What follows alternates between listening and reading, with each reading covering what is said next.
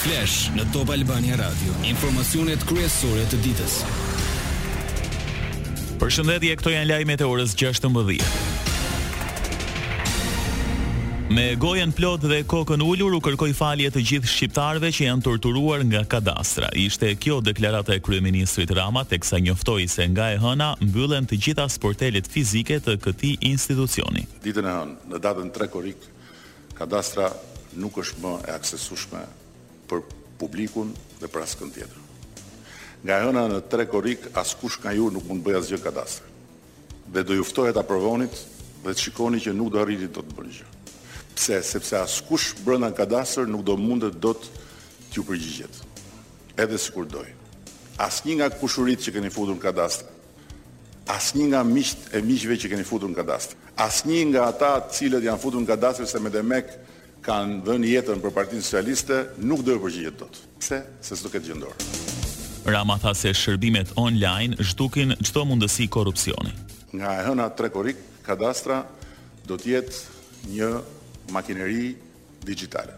Dhe punonjësit aty brenda, të cilët një pjesë e them me shumë kënaqësi kanë filluar të kërkojnë të largohen, se nuk kanë më asnjë mundësi të bëjnë asgjë tjetër përveçse të bëjnë punën e tyre përpara një kompjuteri, nuk e devijojnë dot në asnjë drejtim sipas dëshirës. Nga e hëna tre korrik në Kadastër nuk mund të ketë më zgjidhe ti se kujt do t'i shërbesh, nuk e zgjedh dot. Nga e hëna tre korrik Punonjësi i Kadastrës në Shkodër do të ketë përpara në kompjuter si si t'ia nxjerrë algoritmi raste për të trajtuar për një pronë në Delvinë. Punonjësi i Kadastrës në Gjirokastër do t'i dali në kompjuter për të trajtuar rastin e një prone në Tropojë. Dhe askush nuk do të gjejë dot fillin se si trajtohet prona, përveç makinerisë dixhitale që Do t'i përgjigjet përmes një sistemi elektronik kërkesave të qytetarëve. Qytetarëve u bëj thirrje të mos shkojnë më në kadastër se nuk i pret më askush. Për punonjësit e Kadastrës Dixhitale do të ketë rritje page. Rritja e pagave të Kadastrës do të jetë shumë e konsiderueshme, sepse punonjësit e Kadastrës duhet të paguhen nga shteti, dhe jo nga qytetarët dhe për këtë kemi diskutuar, kështu që unë përfitoj nga rasti që t'i bëj apel të gjithë atyre që janë profesionistë në ato profesione që kadastra që kadastra kërkon që të aplikojnë sepse realisht janë të domosdoshëm. Natyrisht, brenda kadastrës ka plot njerëz që e dinë punën. Shpresoj që një pjesë e tyre të mbeten.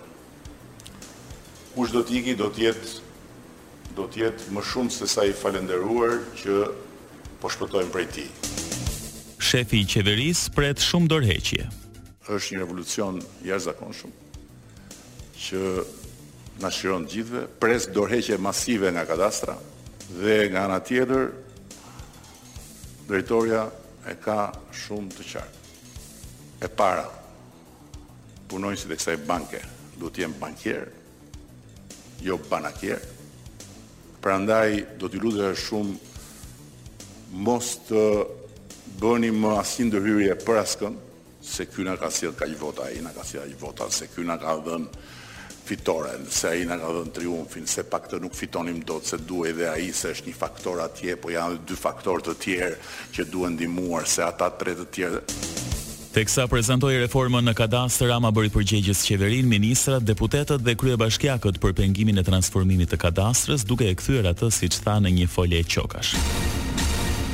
Ish-presidenti amerikan Bill Clinton do të vizitojë Tiranën më katër korrik. Presidenti i dyzet e dytë i SHBA-ve, i cili shërbeu nga vitet nëntëdhjetë e tre deri në dy mijë e një, mbërrin në Shqipëri pikërisht në Ditën e Pavarësisë së SHBA-së. Clintoni gjatë kohës së mandatit të tij si president i shtetit më të fortë në botë, ndikoi në miratimin dhe realizimin e vendimeve të OKB-së për ndërhyrjen e NATO-s në luftën e Kosovës në vitin nëntëdhjetë e nëntë.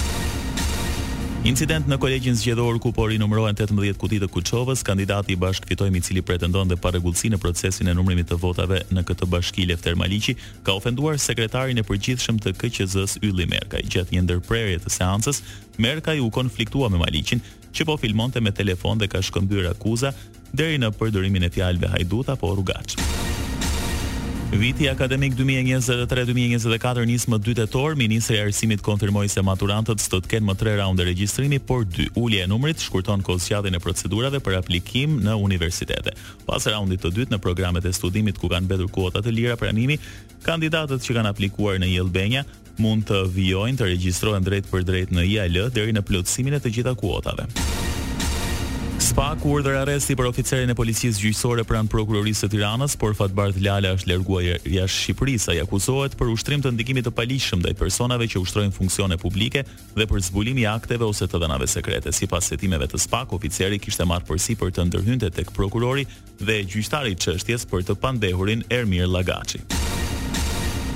Situata në fushën e mbetjeve në Vlorë vijon të mbetet e rënduar edhe sot, nga dje fusha e mbetjeve është përfshirë nga flakët që dyshohet të kenë qenë të qëllimshme. Forcat zjarrfikëse kanë qenë gjatë gjithë natës në vendngjarje në përpjekje për të shuar flakët. E gjithë zona përreth fushës së mbetjeve është mbuluar nga tymi.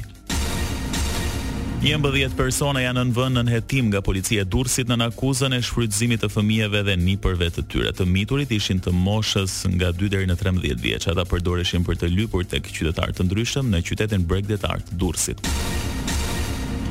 Franca miratoi një projektligj që kërkon që fëmijët nën moshën pesëmbëdhjetë vjeç të marrin pëlqimin e prindërve për të përdorur platformat e mediave sociale. Projektligji kaloi njëzëri në Senat. Platformat e mediave sociale do duhet të përdorin një sistem për të verifikuar moshën e përdoruesve dhe nëse të miturit kanë leje nga prindërit. Platformat që nuk respektojnë rregullat mund të gjobiten deri në një për qind të xhiros së tyre në mbarë botën. Lajme nga bota. Bashkimi Evropian do të nxjerrë euron dixhitale nga viti dy mijë e njëzet e shtatë si një përgjigje ndaj dyndjes së kriptovalutave. Euro dixhitale nuk mund të konvertohet në para. Një vendim përfundimtar do e japë Banka Qendrore Evropiane në fund të këtij viti, sepse do të jetë kjo bankë që do e mbështesë. Hungaria kundërshton planin e Komisionit Evropian për t'i dhënë më shumë para Ukrainës. Budapesti tha se nuk është i gatshëm të kontribuojë me para shtesë për të financuar kostot e menaxhimit të xheve. Unioni ka njoftuar më herët se do t'i japë Ukrainës një pako me pesëdhjetë miliardë euro për periudhën dy mijë e njëzet e katër, dy mijë e njëzet e shtatë. Ministria e Brendshme franceze deklaroi se dyqind e dyzet e nëntë policë dhe xhandarë u plagosën në trazirat e mbrëmshme në Paris. Kjo vjen pasi ministri i Brendshëm i Francës tha se forcat e policisë iu përgjigjën me guxim dhunës së paprecedentë të protestuesve. Trazirat nisën pasi një oficer policie qëlloi një shtatëmbëdhjetë vjeçar, i cili refuzoi të ndalonte për një kontroll në periferi të Parisit. Ndoqët një përmbledhje kryesore të lajmeve të ditës, unë jam Edi Hallaçi. Kjo është Top Albania Radio.